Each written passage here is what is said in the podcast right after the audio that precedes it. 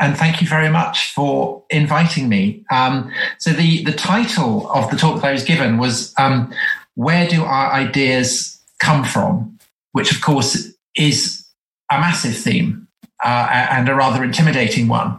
And so rather than just plunging straight in, I thought that, um, that what I would do, I, I, I, might talk about where my ideas come from. And, and that might seem a, a slightly egocentric, uh, a, a, slightly arrogant way to frame it, but it's not actually, I think, because the, the, the argument that I want to give um, tonight, as, as Daniel said, is that um, to live in the West is irrevocably to be affected by the cultural inheritance of Christianity. And if, if that is the case, then, then I too am an expression of that.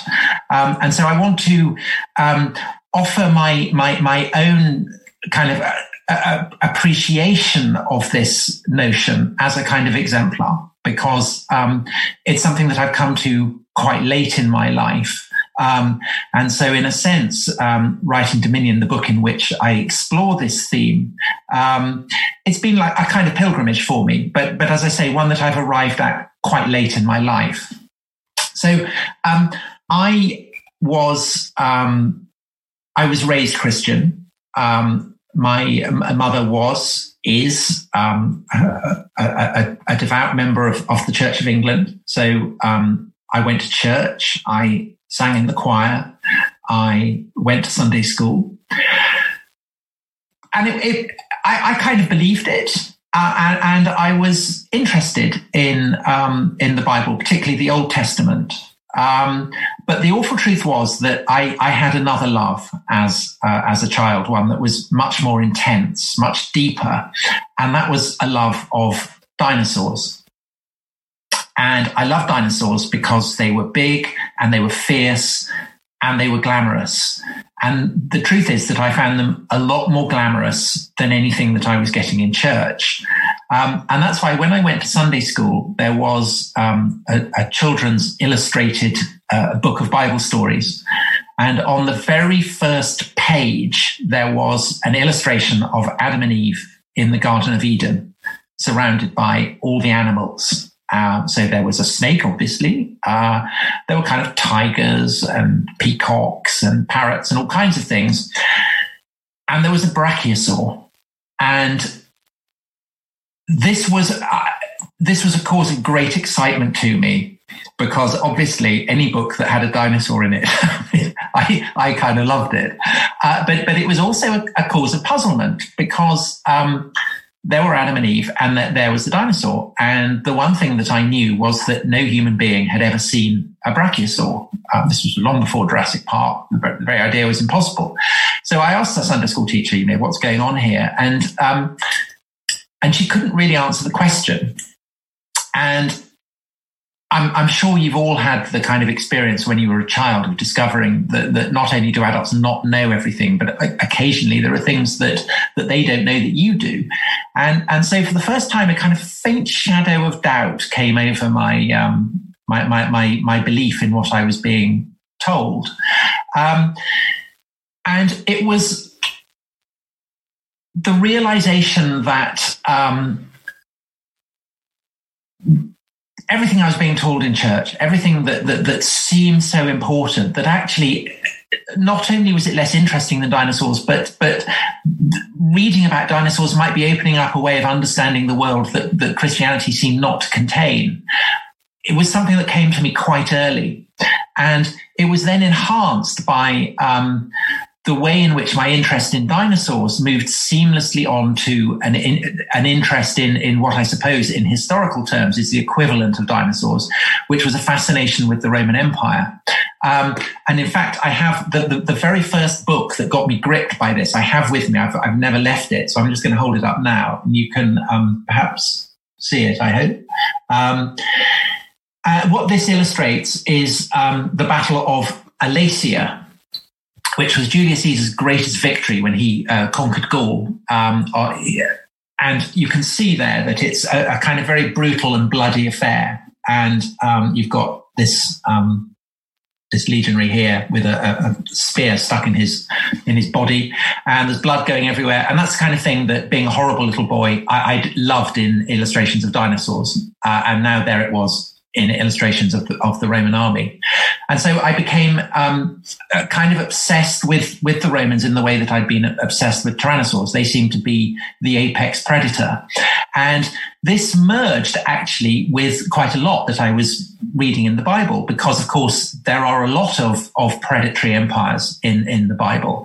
Um, Assyrians, Egyptians, Babylonians, Greeks, and then of course in the New Testament, the Romans.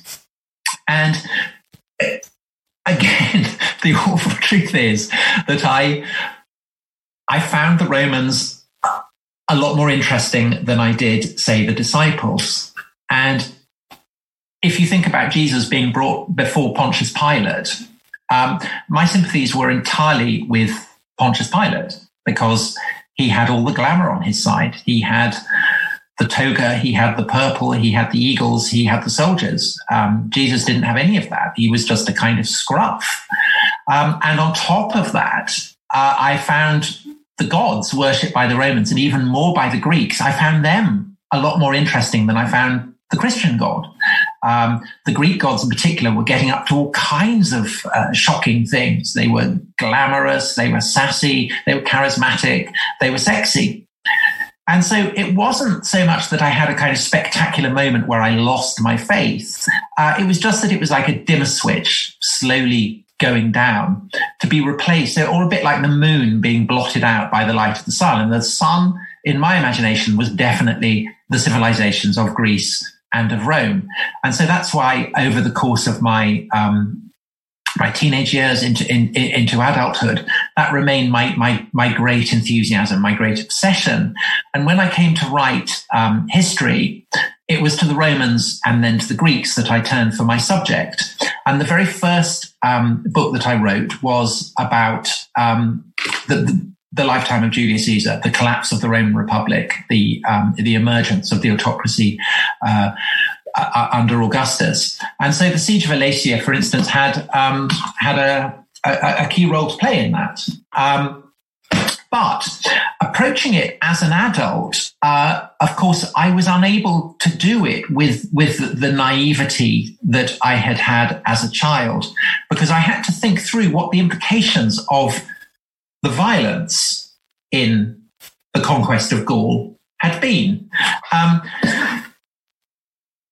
if you've read Asterix, you might get the impression that uh, the Romans conquered Gaul without actually killing anyone.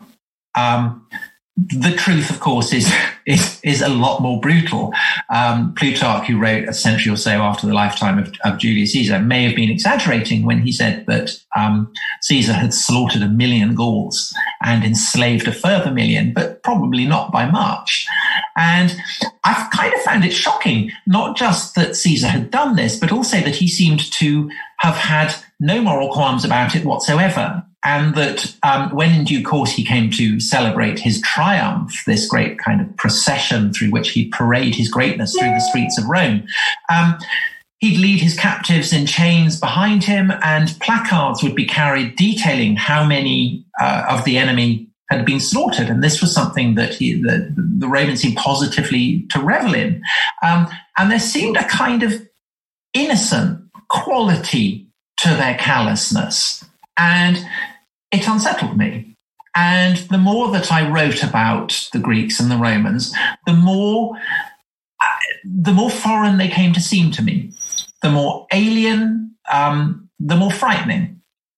And it wasn't just in terms of, of their moral values, it was also the whole spectrum of uh, what I felt made me what I was, my understanding of things like sexuality, uh, family relationships, um, the understanding of words like secular or religion, all of these seemed to me to have been radically reconfigured by something that separated me from the world of Julius Caesar. And it, it bothered me more and more. I began to ask myself more and more, what is going on here? uh, and a bit like when you have a, a, kind of itch on your back and you're trying to scratch it, I, gradually I began to realize that the, the itch that I had to scratch was that what had happened, what had changed was the coming of Christianity. And so for about 10, 12 years, I've been kind of uh, looking at this tangentially, uh, kind of approaching th- this idea from various angles.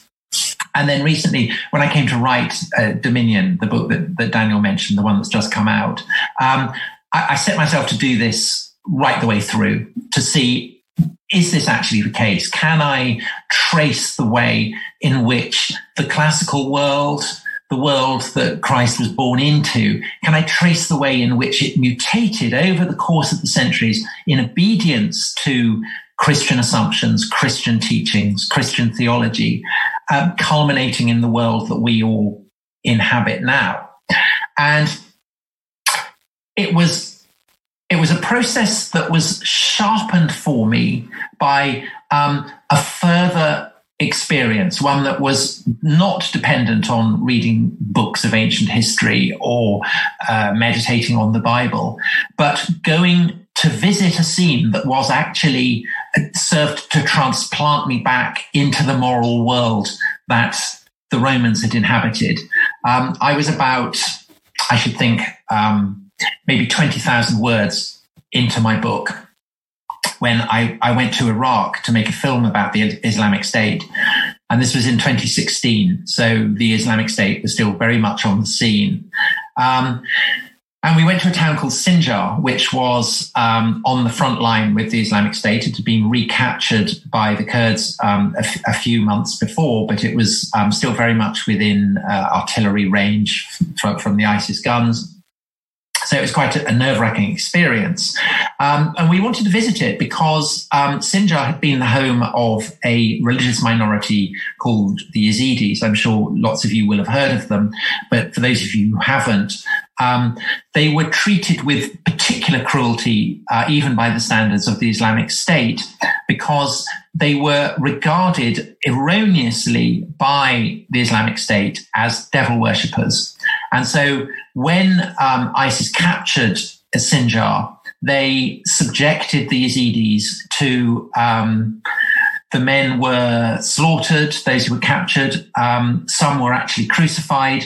Uh, many of the women were killed, but those who were regarded as sufficiently uh, attractive were taken into slavery, um, all the way down to girls of the age of nine. And so to visit this site where people had been you know, men had been crucified, uh, and to know that I was kind of within striking distance of people who viewed the cross not as I had been uh, kind of over the course of my lifetime just come to take for granted that it, it, it, it stood for one thing, and to know that actually uh, within striking distance of me, there were people for whom the cross symbolized what it had done for the Romans, a symbol of power. I found this very unsettling. And so when I came back from Iraq, I rewrote the introduction of my book to focus on uh, the cross as, in a way, uh, it's obvious it's the primal symbol of Christianity, but to try and tease what it means that the cross, its meaning has changed in this way. Um, I wanted to put the cross at the heart of the story. And the justification for doing this is not just that the cross today is the ultimate symbol of Christianity, but that it seems to have been that right from the very beginning. And we can tell that because the cross stands at the heart of the writings of the very earliest Christian texts that we have which are the letters written by Paul um, a couple of decades or so after um, the likeliest date for the crucifixion of, of, of Jesus. And Paul, when he writes about the cross, seems simultaneously embarrassed and triumphant. And he's, he's, he's embarrassed because he knows that what he has to say about the role that the cross has played in the story that he's proclaiming and the, the good news, the euangelion, the gospel that he's proclaiming, seems ridiculous. And yet it's the very ridiculousness of it that makes it, in Paul's opinion, so transcendently, so cosmically important. Paul knows it's an embarrassment because um, he is a Jew who is also very much a part of the broader Roman Mediterranean world. And so when he says that um, the cross is uh, a stumbling block to the Jews and um, uh, seems ridiculous. The, the idea of a crucified Messiah seems ridiculous to, um, to, to, to everybody else he knows what he's talking about. He is uh, he was a, a, Pharisee. He was absolutely steeped in the heritage of Jewish scripture and teaching, and so he knows that um, that to tell Jews that uh, the God of Israel in some peculiar way has uh, come down to earth and has suffered this this monstrous, appalling death is likely to seem um, blasphemous in the extreme. But there are further implications of this. Um, Jews, of course, believe that um, the God of Israel spoke to Moses on Mount Sinai and gave them Torah, gave them prescriptions, guidance for how they were to live that was good for all time and that would um, serve to distinguish the children of Israel from other peoples. Paul says that with the, the crucifixion and the resurrection of Jesus, that has changed. That now, with the crucifixion, the law of God is for everybody. That Torah is no longer the only way to approach God, that now there is a new law. And that this law, unlike the law that had been given to Moses, written on tablets of stone, that this law is written on the heart, and that this is where people can read it.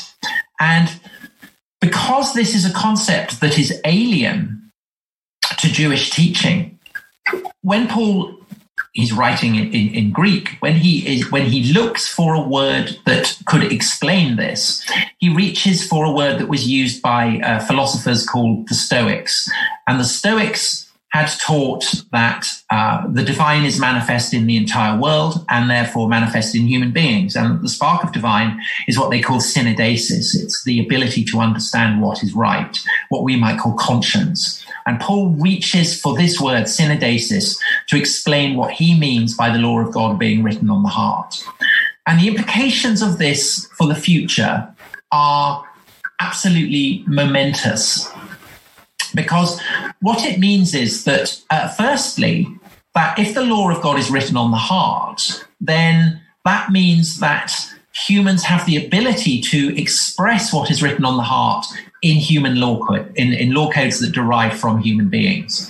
So, in contrast to um, the Jewish understanding of divine law and the understanding of divine law that Islam will inherit from the Jews, Christian civilization will have the understanding that human law codes can embody um, the law of God, the, the, the proper way of ordering a human society and structuring it. But on top of that, there is the implication that over the course of time, the more that the heart is illumined by the Spirit, so law progressively can be improved. And so the idea that society over the course of time can progress, the very idea that the progressive is something to be aspired towards. And this is an idea that, that, that, that, as we've seen, you know, in the events of recent weeks, this is something that, that seems to be absolutely fundamental to Western societies. The idea that society can improve and progress. This is something that goes all the way back to these revolutionary ideas that Paul is talking about in his letters, um, where he's trying to fashion um, an understanding of the law of the God of Israel that is good for, for every human being, not just for Jews, but for Greeks. there is no Jew or Greek, he famously says. There is no man or woman, there is no slave or free in Christ Jesus. The coming of Christ has served to dissolve these differences. The future is, is, is a universal one. Um, and this is the applicability of Christ's sacrifice. It is for all human beings, all of whom have been created in God's image, and all of whom now are called to an equal dignity.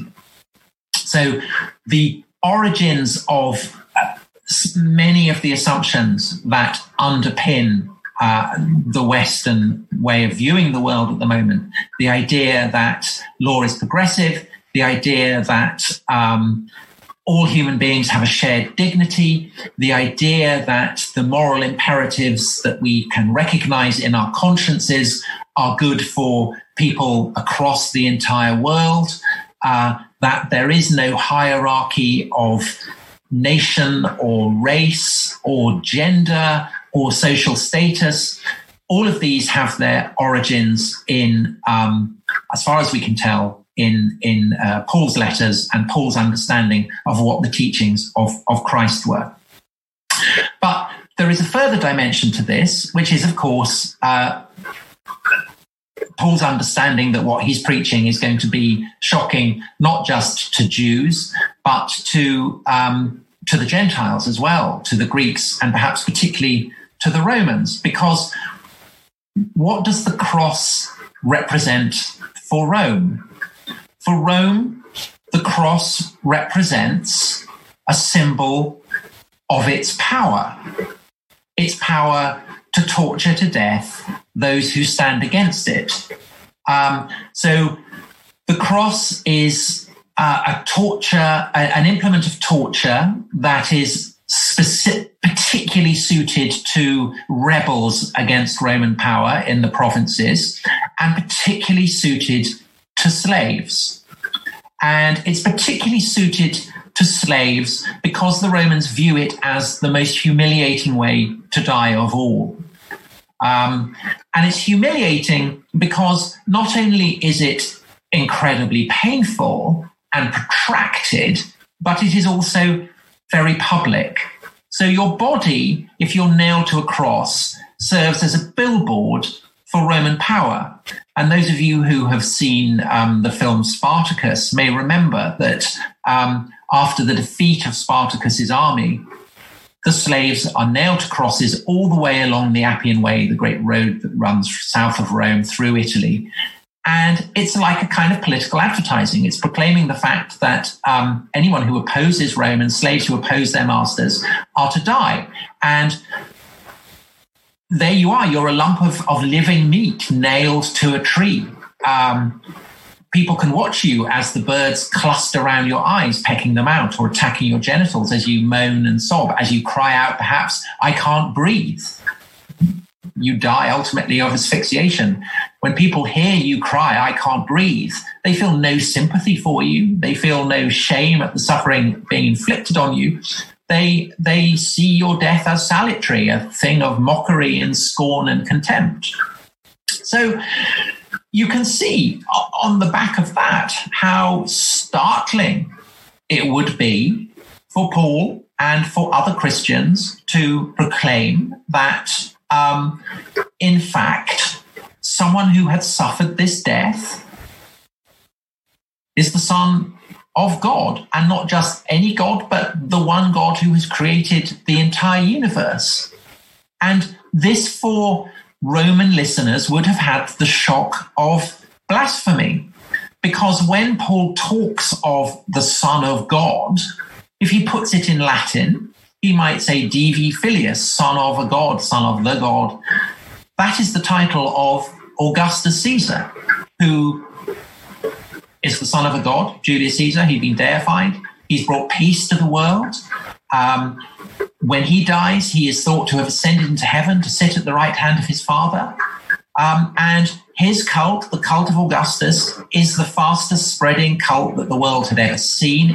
When Paul crosses, goes to Galatia, goes to Corinth, goes to Rome, evidence for this cult, the cult of Augustus Caesar, the son of a god, is everywhere around him.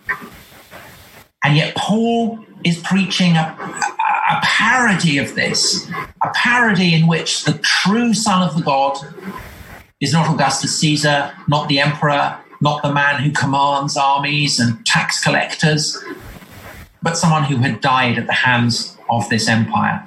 And so the subversive potential of this is infinite because what it does is to bed down in the Christian imagination the idea that the slave can be greater than the master, that the victim can be greater than the victimizer, that the man who suffers can be greater than the man who tortures him. And this completely upends everything that uh, people in antiquity, by and large, had taken for granted. And it explains what is authentically revolutionary about Christianity. Really, um, over the course of the the decades and then the centuries and then the millennia that follow Paul, two aspects, more than any other, um, are, revolutionary in the context of the world that had existed before Christianity and are fundamental to the teachings that Christianity takes first across the Roman Empire, then beyond the limits of the empire, then in due course beyond the limits of, of, of, of the Atlantic itself into the Pacific to continents undreamed of by the Romans. And those two principles are the ones that I've, I've, I've talked about that are implicit in Paul's letters. The idea that um, all of humanity shares in an equal dignity, that there is no Greek or Jew, and the idea that if Christ suffered the death of a slave, then perhaps slaves are closer to God's heart than the masters. Um, in other words, an, an, upending of the hierarchy that the Romans uh, had taken for granted. And these are assumptions that, of course, lots of Christians fail to live by. They um, they slaughter uh, pagan enemies. Uh, they slaughter themselves. Um, they take slaves. They um, justify all these practices um, in terms of Christian doctrine. And yet at the same time, kind of lurking at the back of their heads, the back of their minds, is the nagging anxiety that perhaps they are, are by doing this, are committing an offense against their consciences. And that's why even in the heyday of um, of the slave trade, Atlantic slave trade, uh, in the heyday of European imperialism, there are those within the slave owning societies, there are those within the imperial powers who fret and worry about what is being done. And in due course, these anxieties express themselves sufficiently as, for instance, to, bring an end to slavery um, the slow burn of uh, the idea that the slave might be closer to God than the master ends up by the 18th century in persuading large numbers of slave owners in Britain, in the Caribbean, in North America that it's morally unjustified. And by the 19th century, in persuading um, uh, first Europe, then America, then much of the world that the very institution of slavery is to be condemned. Um, likewise, over the course of European imperialism, anxieties, the moral underpinnings of imperialism are corroded less by uh, any um, uh, notions that the colonized have than by uh, teachings and assumptions that the colonizers themselves cherish close to themselves. The empires crumble because the imperialists uh, come to doubt the validity of their own mission. Uh, now, of course, there in the 19th and in the 20th century, there are plenty of people in Europe who um, come to regard this as pusillanimity, who, who, who, regard it as contemptible, who regard it as a form of weakness. And they find justification of this for this in um, teachings that really for the first time since um, the conversion of, uh, of the Roman Empire and then the barbarian kingdoms that succeeded to Christianity. They come to find sanction for this in um, in teachings and ideas and notions that directly challenge Christian teaching, and really the first great thinker to do this is Darwin. And although Darwin himself does not coin the phrase survival of the fittest, it's telling that um, this is, it's coined by Darwin's own cousin. It's telling, I think, that this is the understanding, the popular understanding of what Darwin is teaching that comes to, to kind of spread very rapidly. The idea that uh, actually, in contradiction of Christian teaching, it's the strong who who must prevail, and that if the strong don't prevail, then uh, the entire stock of humanity will become weak and enfeebled. And this justifies all kinds of concepts, um, eugenics and so on, uh, racial hierarchies that are profoundly inimical to to Christian teaching, but. Um, the corrosive effect of Darwinism on the seeming verities of Christianity uh, is sufficient that lots of people are able to be persuaded by what they understand as Darwinist thinking to turn their backs on uh, the Christian teachings that, that, that all humanity are, are created equal and that the weak have a particular moral hold over the strong. These come to be, be jettisoned by many people. At the same time, um, the perhaps the most challenging, uh, the, the philosopher who, who, who is most challengingly atheist, Friedrich Nietzsche, who um, regards the whole history of philosophy as a kind of mewling, sub-Christian, uh, pathetic expression, uh, inability to, to, to, jettison Christian teachings. Um, Nietzsche directly stares, as Paul had done, at what the cross symbolizes. And he recognizes, as Paul had done, that it is absolutely revolutionary. The Christian understanding of the cross is indeed completely revolutionary. Uh, and he, he says of it, to devise something which could even approach the seductive, intoxicating, anesthetizing, and corrupting power of that symbol of the Holy Cross, that horrific paradox of the crucified God, that mystery of an inconceivably ultimate, most extreme cruelty and self crucifixion undertaken for the salvation of mankind. And it appalls Nietzsche because Nietzsche mourns the uh, loss of confidence that Christianity has infected the strong with. He he sees this as a kind of cancer, a kind of um, a, a corruption of the beauty, the power, the passion that the strong had manifested in the pre-Christian period. Nietzsche's ideal is their Achilles slaying uh, those who are inferior to him on the battlefield of Troy. It's the strength that uh, Caesar had taken for granted and had felt no need to apologize for. And Nietzsche mourns what Christianity has done to this and wants to see it come back. And in the decades that follow um, the emergence of Darwinism, the, um, the teachings of Nietzsche, these come to fuse and meld and to be misunderstood by the first regime in European history since the coming of Christianity, consciously to repudiate not just doctrinal Christianity, but the very ideals of Christianity itself. And by that, what I mean is, if you look at the French Revolution, which um, repudiated Christianity very powerfully, which um, rejected the claims of the Catholic Church, which uh, guillotined the monarchy, which claimed to be the defender of the church. Um, this was not a rejection of Christian doctrines, quite the opposite. In, in, in many ways, it was a great flaring up, a great illustration of the power of Christianity to inspire revolutionary force. Christianity, the French Revolution was predicated on the teaching of Christ that the first shall be last and the last shall be first. It was predicated on the idea that there is a common humanity. These are the ideals of the revolution. Uh, it's predicated on the idea that um, the sans-culotte has a, a moral quality that is greater than that of a king or a bishop.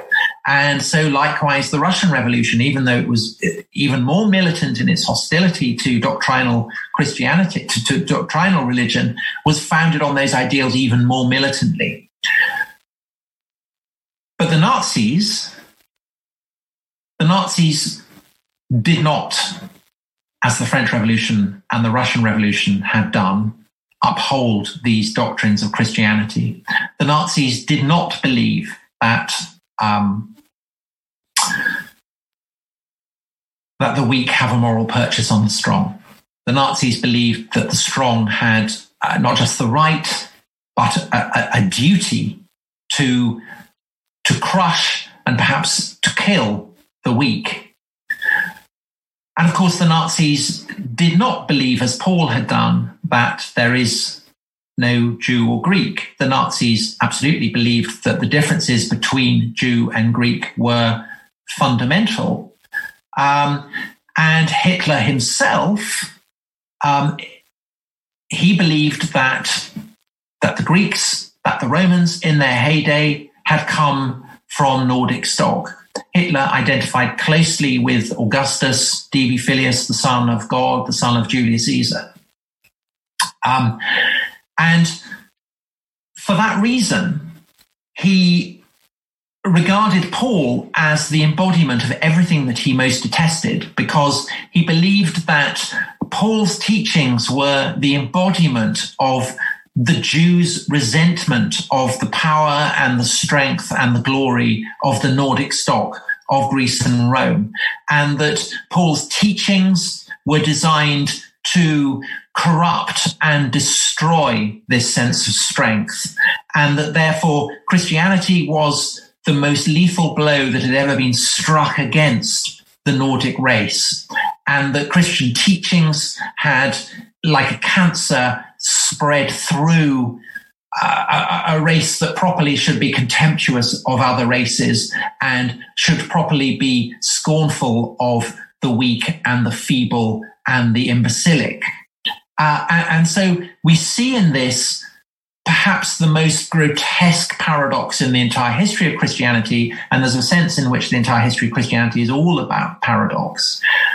The most grotesque paradox is that Hitler ends up targeting the Jews because he blames them for Christianity.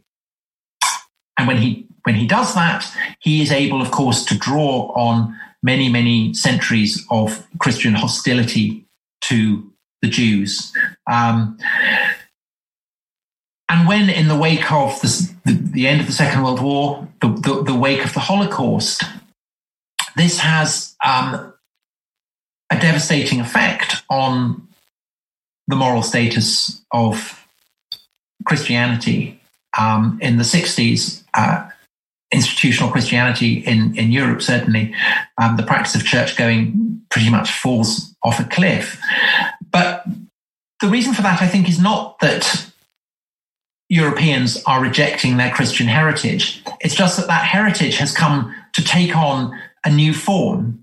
Because whereas before the Nazis, um, everyone pretty much, even if they were militant atheists, would look to the figure of Jesus as the kind of moral lodestar. They would say, What would Jesus do? After the Second World War, after the Nazis, that was no longer really the case. Now, people in the West, when they wanted to know what they should do, they would ask, What would Hitler do? And then they would do the opposite. And in a sense, there was no longer any need for the fabric of Christianity, the the um, the framework of belief that it had provided, because um, history had provided uh, Christian Europe with a new panoply of a new understanding of good and evil, one that was enshrined the Nazis as as the devil, uh, Nazism as the quintessence of evil, Hitler as as as the new model of Satan, uh, and in a sense, that is um, that's where we are now. Um, of course, there are lots of, of, of believing Christians still uh, uh, across Europe, across America. But there's a sense in which the commanding heights of Western culture have been ceded by believing Christians, but have been taken up by by people who believe in Christian values, believe in um, Christian assumptions just as profoundly as confessional Christians, but can do so because they can look to the Nazis for a kind of distorted reflection of what Christianity is. You look to the Nazis and you know that they are evil because our understanding of what is evil remains a deeply Christian one, and our understanding of what is good remains a, a, a deeply Christian one. And so that's why, um, where do our ideas come from? Uh, that's why I, I, you know, 45 minutes, I really skimmed the surface of it. But I hope that to a degree, I have um, made the case for the fact that, that, that even now, in a seemingly post-Christian world, our ideas, our assumptions, our beliefs, our values are nothing if not Christian, and that, that without Christianity, what we believe in, what we take for granted, would be unfathomably different, so different that it's almost impossible to comprehend what what we might believe in. So, thank you very much.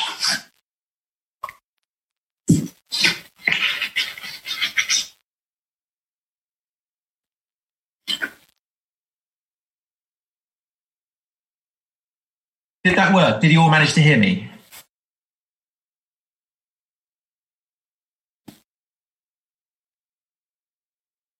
Thank you. Can, can, can I just check you all managed to hear me? Uh, because you, you could all hear me. I because I was just sitting here speaking to myself, and I was worried that perhaps I just you know talking to myself. it's a bit odd.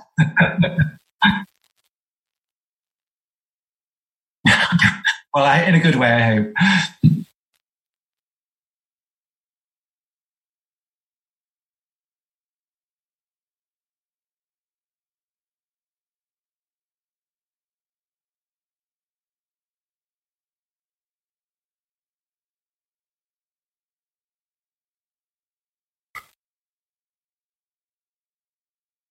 Goodness, uh, that's that. Um, well, I, am not sure because um, I, I, think it would be a very foolish person who made any prophecies about the future at the moment.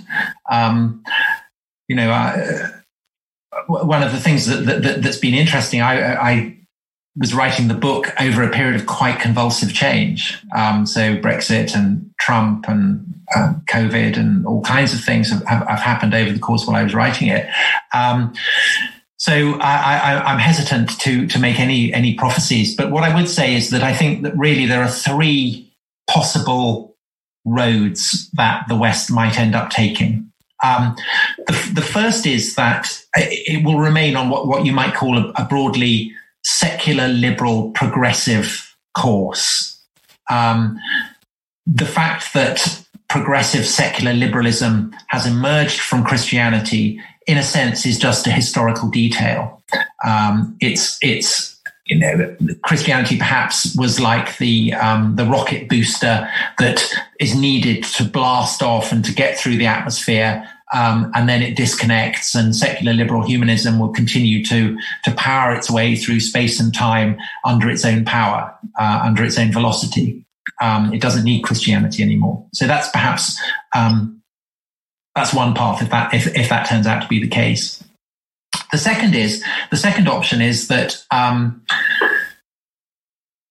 as christianity fades if it fades so nietzsche's prophecy will, will, will come to be true. Because Nietzsche essentially the challenge that Nietzsche throws down to um, to secular agnostics or atheists is to say that you can't really have Christian values and ethics if you don't have Christian belief, and the fact that that that uh, people still essentially believe Christian fundamentals without necessarily having been schooled in Christian belief is is delusory because um, the corpse of God is so massive that it's going to take a very very long time to rot, but it will rot. And in due course, perhaps uh, we will see a reprise of pre-Christian ideas that privilege the strong, that privilege um, the beautiful, that um,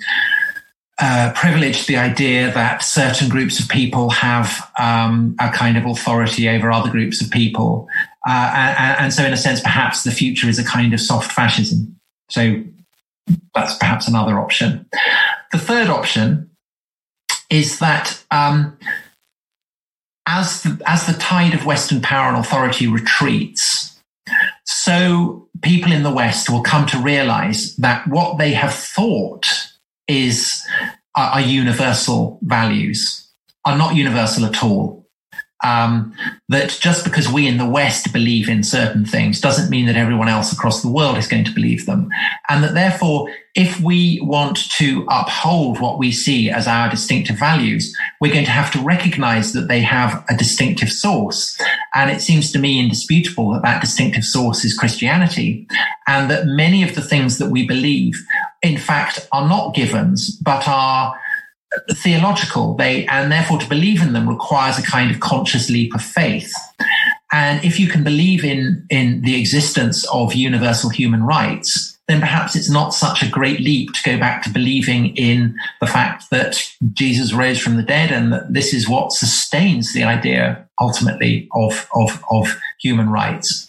So perhaps the third option is that um, is that the West re-Christianizes. So, and it'll probably be an element of all three of those. You'll get kind of different pockets, different emphasis amongst different places, different groups of people. But, but I, I wouldn't like to say absolutely which of those is, you know, is going to is, is the likeliest. But I think it'll be a fusion or an option of, of of of some of those. One of those three courses is likely to become the most prevalent, but I don't know which one.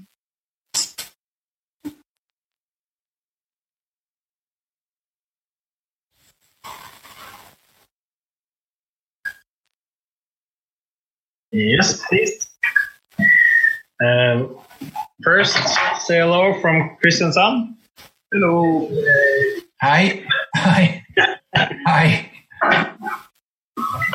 Uh, uh, first question here is uh, from me. So, um, given what you've said and what you just answered, uh, if uh, it is true that these values that we hold so high is connected directly to Christianity. How do you see, as a non Christian, what ought non Christians to do then? Should they rebel against these Christianized values or should they uh, embrace them? And if so, why? Well, I think that, that, that, that what is destabilizing for many liberals at the moment is the realization that ultimately um, there's nothing to stop people from rejecting the idea of human rights or um, upholding kind of racist ideas or trampling on everything that that, that liberals take for granted, because um, if you if if if you know th- th- there's nothing there's nothing um, scientific about these. There's nothing uh, necessarily self-evident about them. Um, so to believe in them requires faith. Now, this is a kind of unsettling realization for people, and it's one that I think people are reluctant to accept.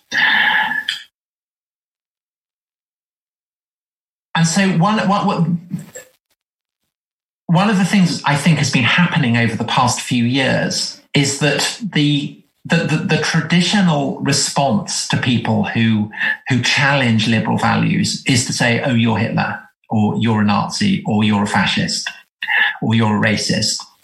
I I think the impact of that is starting to fade, and I think quite a lot of of, of what's happening in in America at the moment and um, to a lesser extent in, in European countries as well, that the quality, there's a quality of shrillness to the insistence on, you know, to, to the language of, of, of anti-racists. The insistence that if you don't accept what anti-racists are saying, then you must be cancelled. You must be um, rejected. If you if you, if you don't accept the tenets of Black Lives Matter, then then You know, you you, you you're worse than filth. Um, and I think that that that that is expressive of the fact that um, the language of faith and the kind of shared language that back in the back in the 50s and 60s when the civil rights movement exploded in, in the United States that that's been lost. So if you think about the the um, the symbolism of taking the knee, which has has kind of spread the world, spread across the world, that's something that Martin Luther King did.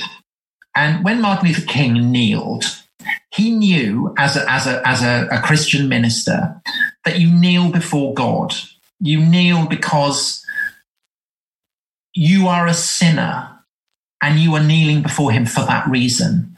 And he knew as well that this was something that went all the way, but he was a Baptist minister, that Baptists have been doing this um, as an expression of their, their, their, their opposition to, to, to, to the slave trade, going back all the way to the 18th century. So taking the knee has a, a, it, it, it, in the in the 60s was rooted both in Christian theology and in a, the distinctive history of, of, of Christian Protestant abolitionism. Today, when people take the knee, they're doing it because a highly well paid sports star did it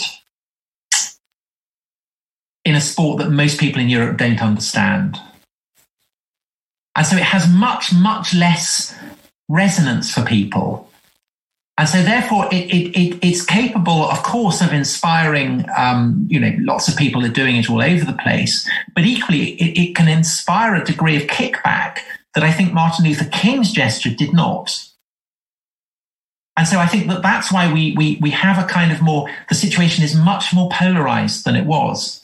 Martin Luther King was all about um, reaching out to white Protestants, to white Christians, and saying, you know, you you are our brothers, you are our sisters, treat us as your brothers and sisters. That language is no longer there, I think, in the same way. Um, and personally, I think that that's a loss because I think that that that ultimately the idea that uh, all human beings are created equal, it, it, it, is a, it is a theological one because it, that is the source of the, of, of the idea that, that, that all humans have an, a, a, dignity. If we're created in the image of an all powerful, all good creator, then, then that, that gives us an incredible dignity. But you have to believe in the existence of an all powerful, all good creator to, to, to, be able to believe that. And if you don't believe that, then it becomes harder. And I, I think that, that, that, that the kind of the tensions, the bitterness, the anger, the polarization that is afflicting Western society at the moment is an expression of that.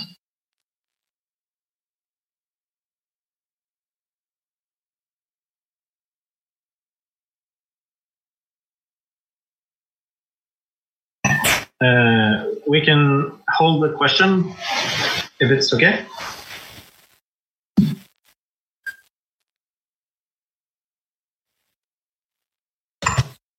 Uh, yes. Um, how has your your views on uh, Christianity changed after writing your book about the, the, the Dominion one? Um, I, I, felt when I began it that I was embarking on a pilgrimage. Um, I, I, didn't. I wasn't entirely certain where I was going to end up. I wasn't entirely certain what the route was going to be. I, I wasn't even certain whether I would get to my journey's end. Um, I, am hugely relieved that I did, um, but it made it kind of an excite. You know, it made it kind of exciting, and it gave it a spiritual dimension in a way that nothing else I've ever done uh, has done. And I found the experience of um, meditating on the on on the Bible, on on on the Hebrew prophets in particular, on on the Exodus narrative, on the Gospels, of course, uh, and on Paul's letters and and the Book of Job, uh, on on those texts in particular. Um, profoundly challenging, moving, inspiring, and then to move through history and to immerse myself in in um, in the engagement of of different people in different times in different places with this great inheritance of of Christian faith and literature and teaching. I found it in, in, incredibly powerful and eye opening. And as I say, I, it, it, it sharpened for me the understanding that I'd already come to that to hold the liberal beliefs that I have is in itself a kind of, you know, a, a, form of faith.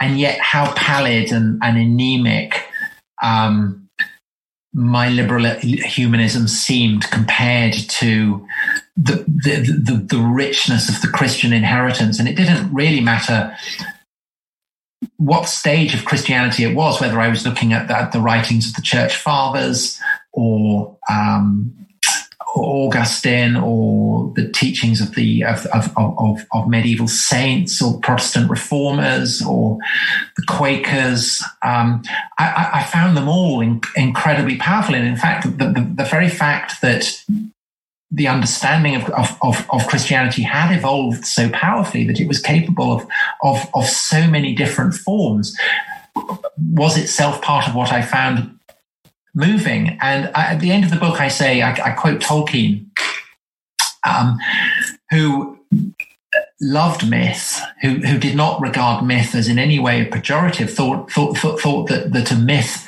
could be true. And I guess that, that that's where I've come to. I, I, I believe in Christianity as a myth. Um, I, if I'm going to believe in, um, if I'm going to believe in the things that I believe, I'd rather believe in them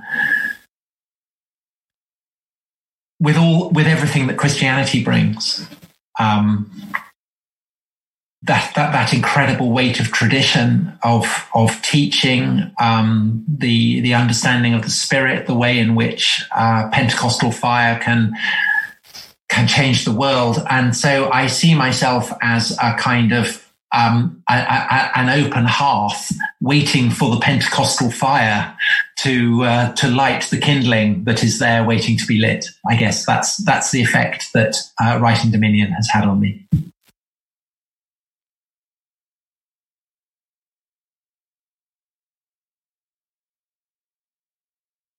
Sure, two more questions. That'd be that would be great. Yeah, if if I'm not keeping you keeping you from your meal, which.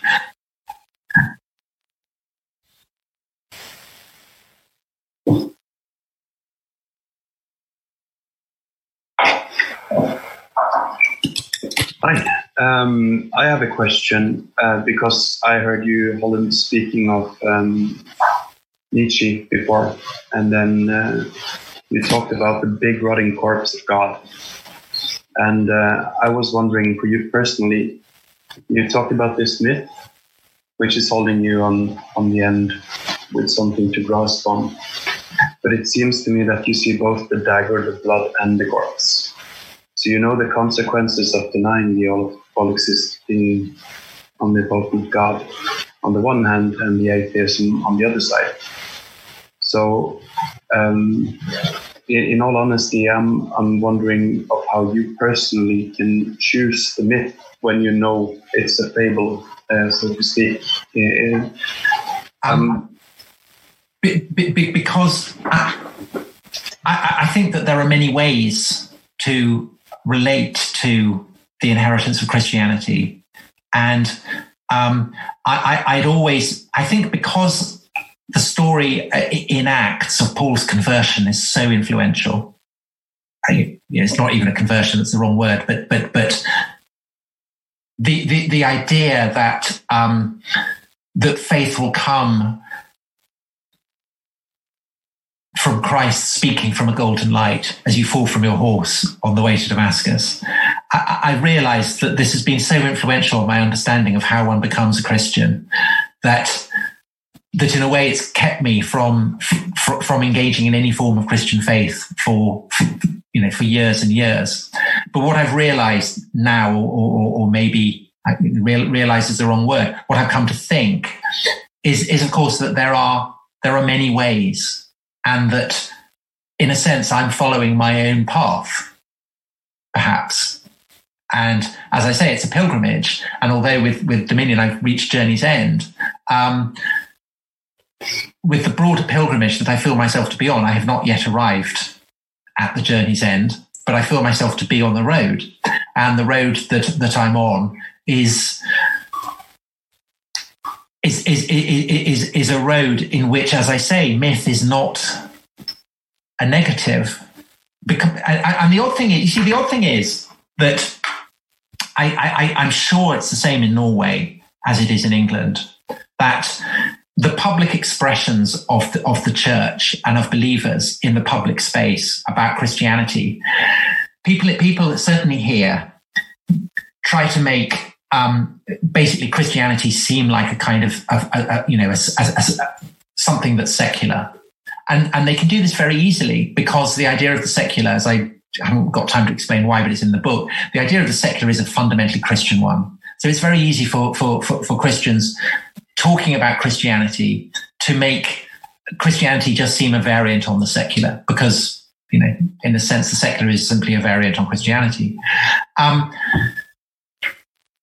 but I think that that is a profound mistake personally, because actually, if I'm if I'm going to to to, to become Christian, I, I, I don't want something that is just a, a, a variant on the liberal, progressive, secular humanism that I get anyway. I want it to be incredibly weird. I want the angels.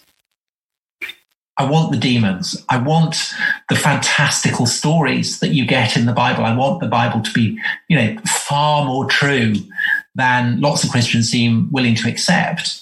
And when I was when I was writing one of the penultimate chapters in Dominion about Africa, one of the things I found incredibly powerful was how in Africa the Bible doesn't seem, you know, the stuff about angels and demons doesn't seem an embarrassment. It's it's it seems vividly true in a way that it had done to to to, to people in the early Middle Ages. Um, you know, to missionaries coming to the land of the Vikings or whatever you know you could believe in angels you could believe in demons and and so oddly um, I, I, I feel that i'm the fact that the, the, mythic qualities of it, the, the, the angels and all that kind of stuff, that actually matters. It seems to me important that that's the way that I come to it, because in a way, if I can't, if I can't have angels, then what's the point? I don't know whether that makes sense, but the miraculous, the extraordinary, the weird, the strange, for me, has to be a part of it.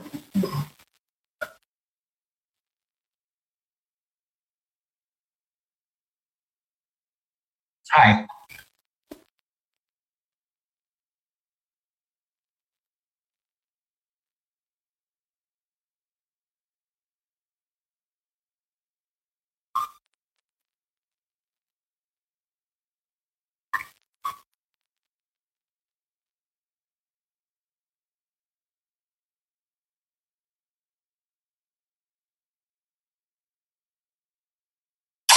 Uh, it's it's it's it's there in um, in in the chapter on the Nazis in um, in Dominion. Um, the way that Hitler uh, understood it, I, I, I think I think it's because um, you you you you have to you have to understand. I think it's so hard for us to understand that the Nazis thought that what they were doing was right. And so you have to try and work out why were the Nazis doing what they were doing? You know, we kind of think, well, they were doing it because they were evil. But they weren't. They thought that what they were doing was was right. And it's it's kind of rooted in in this kind of bastard Darwinism, this bastard Nietzscheanism, this idea that that to um, that to succor the weak is is is to enfeeble the stock of the human race, um, and that history is about a great carnivorous struggle between different races. And Hitler correctly saw Christianity as the great, the great bane. You know, Nietzsche has the famous phrase about the blonde beast, that the blonde beast ends up in a monastery, gelded, self-hating, self-loathing. I mean, I've there's there's so so there's a couple of um, of quotes I've got here, which come from uh, various SS magazines. Which uh, w- w- the first one directly targets the Christian idea that all human beings are created equally in the image of God. So it's, so it's a question you know, and it, it, it, the SS and Himmler were, were particularly ideologically opposed to Christianity. Himmler drew up a program that would have seen, if the Nazis had won the war, that would have seen Christianity targeted for destruction over a 40 year uh, period. And, and, and, this question says, can we still tolerate our children being obliged to learn that Jews and Negroes, just like Germans or Romans, are descended from Adam and Eve simply because a Jewish myth says so? And the answer that the, you know, it's a rhetorical question. The answer is the SS are expecting is no.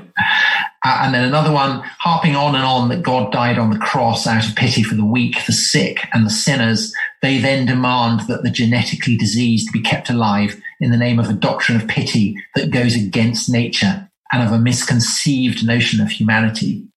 So the Nazis saw themselves as going with the grain of nature, and you know that misconceived notion of humanity they felt that you've got to be cruel to be kind that that if you allow the sick and the disabled and the feeble to live then in the long run that will be deleterious for the prospects of humanity and specifically for the, the prospects of the germanic race and therefore it's a kindness to dispose of them. Um,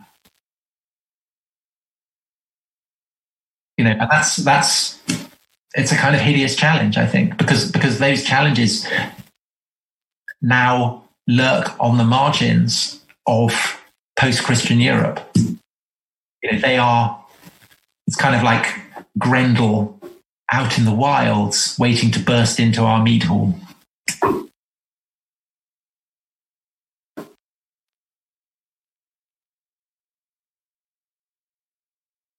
Okay, one more, one more. Sure.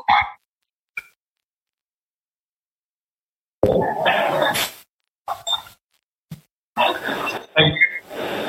Thanks. Hi. Um, thank you for a great talk, Tom.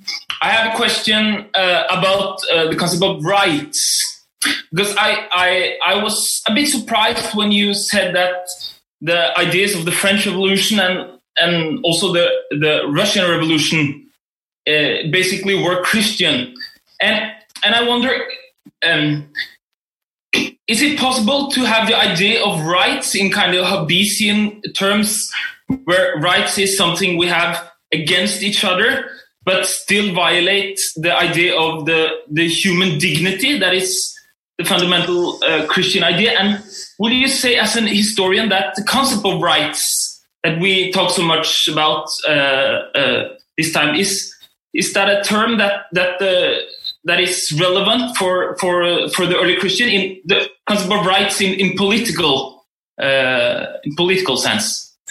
Um, I, well, the, the, the, concept of rights uh, absolutely is not there in, in the Bible or in um, early Christian teachings. And it, it emerges from a kind of um, a, a, very distinct context, which is that of, of um, this great revolutionary movement that happens in the 11th century when um, the, the, the the papacy basically kind of institutes all kinds of revolutionary movements that, that will replicate and, and reappear over the course of subsequent Western history. And one of the one of the the movements is um, a, a, a, desire to um, provide a, a framework um, of law that uh, Christians across the whole of Europe can appeal to over the heads of kings and emperors. And to do that, obviously, they have to construct a framework of, of law. Um, and whether by coincidence or not, it's around this time that the, the great corpus of Justinianic law is found in Bologna. And Bologna then becomes the center for the study of this and it attracts people increasingly from across Europe. And this is the foundation of what will become um, the university system. And uh, other universities, uh, Paris, Oxford, follow quite quickly. Um, and the idea, the, the, study of of law is there right absolutely from the beginning. In, in a sense, it's kind of it's it's the genesis for the entire university system. Um, Justinianic law, the Roman law, is is, is of course um, you know, it's it's it's of human origin. Uh, it, it, it, derives from emperors, some of whom aren't even Christian, um, and so people who who are looking to provide a divinely sanctioned law for Christians in the 12th century start to um, construct um, a, a, framework of law from the various canons, which are the decrees of popes, of church councils, um, teachings of the church fathers, and so on. And what they find is that um, uh, lots of these canons contradict each other. Uh, and so it's quite difficult to construct a kind of coherent framework. But that doesn't put them off. They embark on this this huge project, but they realize that they need certain um, certain kind of core fundamentals to explain and justify how they're going to rationalize and sift all these various canons. Um, and so that causes them to look at certain assumptions through uh, in a distinctive way. And one of the one of the assumptions that they look at in a distinctive way is the idea that the rich have a duty of charity to the poor. And the canon lawyers turn this on their head, on its head, and they say, well, if um, if the rich have a, a, you know a duty to give charity to the poor, then that must mean that the poor have a right to what the rich are giving them, which in turn must mean that the, the, the poor have a right to food, to shelter, to um, you know, to clothing. Um, and this is a really revolutionary idea. And, and as, yeah, and as with so much in Christianity, it, it, it's not that you know, it's not like you get the Ten Commandments or something. It's not that you get, or you know, the American Constitution or the Bill of Rights or anything like that. It's it's it's it's it's kind of like lighting a depth charge, and it you know that it fuses away, and every so often you get explosions, and it will, it will go off on a new path, and that's really the, the, idea of human rights emerges from Christian theology. It emerges from, from close reading of the Bible, from the church fathers, of the canons, of all this great, great inheritance of Christian teaching. But it goes off in a kind of fizzing, you know, radically new way. And so it's there when, when um, Las Casas is defending the rights of the, uh, the Native Americans against the idea that they are natural slaves, against the Aristotelian doctrine that there are natural slaves. He invokes this idea of rights. And of course, it's there um, when the French revolutionaries construct their idea of rights. French Revolution is, is taking place in a Catholic country, and so it has this inheritance of, of canon law to draw upon. And it's there when, in the heyday of Western influence um, after the Second World War, the United Nations draws up um, its its its charter, and the language of rights is written into the charter. But the reason that the language of rights is written into the charter isn't because the language of rights is universal. It's because Western power at that time is so hegemonic that all the various Western lawyers who are drawing it up just take for granted that it's there. But you see now with um, you know with, with, with, with the rise of China to superpower status that actually this idea of rights is a very distinctively Western one. Um, it's not one that is there in, in, in Chinese history. And so I think that, that, um, it's precisely the fact that you know, and also the, so the, the, the role that, that rights has in, in Islam. There, you know, there is no concept of rights because everything that is right comes from from God. And, and, so, likewise, in the Islamic world, you see there's a kind of immense anxiety about what the United Nations Charter uh, embodies. And I think that the more that Western power retreats, the more this is going to become evident. And therefore, the more incumbent it will be upon people in the West who want to believe in things like rights to find some justification for them. And of course, philosophers have a role to play in that. But I think ultimately, the surest basis for it is is is is the Christian one because it's it's it's Christian faith that generated them in the first place. Thank you. Thank you. It's COVID willing. COVID willing. Thank you very very much for having me. Really really enjoyed it. Um, and uh, enjoy your meal and your philosophy. How how how brilliantly Socratic.